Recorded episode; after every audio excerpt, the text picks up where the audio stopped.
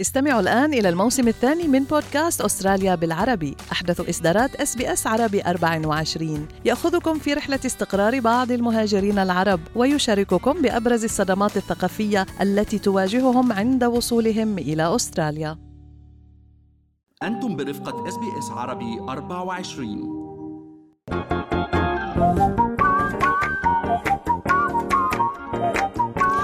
شو في وما في من أستراليا وحول العالم بفقرة منوعات آخر فقرات برنامجنا الصباحي Good Morning Australia وأنا بترا التلهوني. وأنا فارس حسن. راح نبلش من ال Brit Awards والأسترالية النجمة الأسترالية نجمة البوب كايلي مينوغ فازت بجائزة الأيقونة العالمية ال Global Icon أول تكريم لها بال Brit Awards منذ حوالي 11 سنة. بالفعل فارس هالاستحقاق يعني قديش هيك نطرته أميرة البوب على مدار ما يقارب 40 سنة قدمت هذه الموسيقى اشتهرت فيها. وشفنا أنه شعبيتها كانت عادت تحديدا بعد إصدار ألبومها ال 16 فارس ويلي لقى صدى كبير وكان بعنوان Tension. صحيح هذا الألبوم هيك رجع كايلي مينوغ على دائرة الأضواء سيدة التجديد الموسيقي فخورين بهذا الإنجاز لنجمة أسترالية بحجم كايلي مينوغ. حكت بخطاب قبول الجائزة إنه في جزء مني بعده هيك فتاة صغيرة عمرها 14 سنة بتحلم بغرفتها الصغيرة إنها تعمل موسيقى وتكون موجودة بهاي الإندستري وبقطاع الترفيه والغناء. Here I am with this, and everything's possible. So, thank you to each and every person who has been a part of my journey. أنا هون كل شيء ممكن بدي أشكر كل شخص كان جزء من رحلتي. يعني يمكن اللي خطف الأضواء أكثر على السوشيال ميديا أكثر من خبر فوزها بال Global Icon Award بال Brit Awards هو إنها عملت شوي أو شربت بيرة من حذاء كان المضيف ال host رومان كيمب أقنعها. وبنعرف قد هذا يعني هيك tradition أسترالي بنشوف بكل الفعاليات الرياضية حتى الكبرى والغنائية اللي بيفوز بشرب من حذاء فيبدو كايلي مينوغ ما كانت استثناء من هذا ال tradition. قصدي حتى بهيدا اللحظة.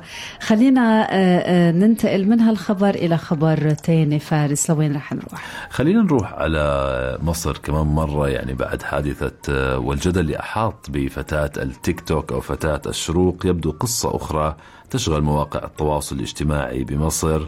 انتحار طالبة بمصر هددتها زميلتها بصور فاضحة.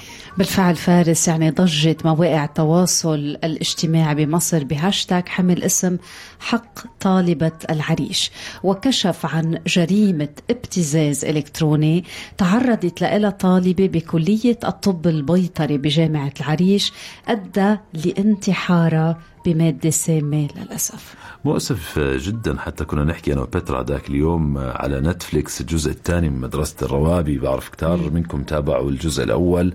بتحدث كمان عن هاي الجزئية إنه هيك فتيات صغار تعرضوا لابتزاز إلكتروني.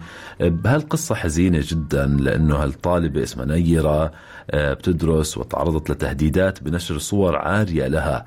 كانت زميلة لها حسب يعني صحف مصرية التقطت لها هذه الصور أثناء الاستحمام وهددتها بنشرها انتقاما منها بدل ما تطلب المساعدة للأسف أنهت حياتها. وبحسب التفاصيل للأسف فارس يعني ذاكرين كيفية الانتحار وتوفت فور وصولها إلى المستشفى متأثرة بإصابتها بهبوط حاد بالدورة الدموية. السلطات المصرية بترا قررت تغليظ العقوبات على المتورطين بجرائم الابتزاز الإلكتروني المادة 308 من قانون العقوبات يعني عقوبات غليظة تصل إلى السجن عند ثبوت التورط في أعمال تهديد أو ابتزاز والهدف منها حماية المواطنين وضمان أمان المعلومات الشخصية للأفراد.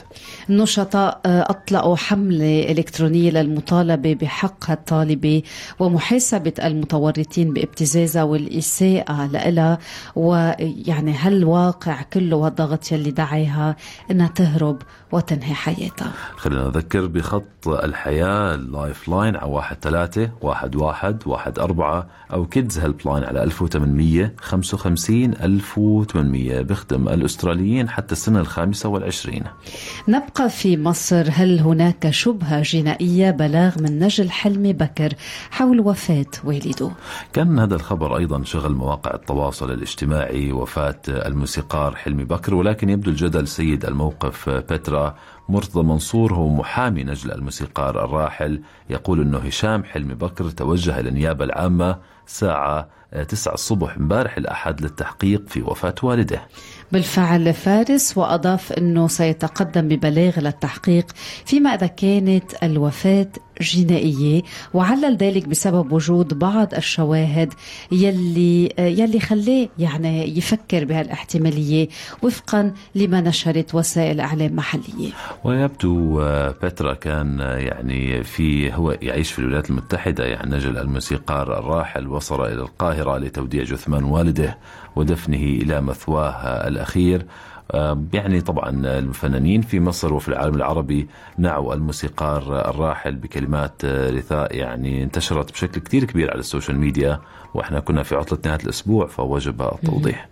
وكان يعني بكر تقدم بالشكر فارس للحكومة المصرية والدولة المصرية وكل المسؤولين لاهتمامهم بنقل الجثمان. خلينا نروح على لبنان. بترا كنت شاركتي معي يعني هذا الخبر. نتذكر كريستينا أبو عاصي اللي كانت تعرضت لإصابة أثناء تغطية الأحداث في جنوب لبنان. شو آخر التطورات؟ خبر كتير حلو فارس. زفت على الكرسي المتحرك بعد خمسة أشهر من علاجها بالجامعة الأمريكية في بيروت. زفت آه، يعني كريستينا عاصي آه، الصحفية بوكالة فرانس بريس بين أصحابها احتفالا بعودتها للحياة. يعني خبر حلو يبدو كانت إصابة بالغة يعني إذا يعني ظلت على سرير الشفاء لكل هذه الفترة أمنياتنا لها بالشفاء العاجل قريبا. هل تريدون الاستماع إلى المزيد من هذه القصص؟ استمعوا من خلال Apple Podcasts، Google Podcasts، Spotify أو من أينما تحصلون على البودكاست.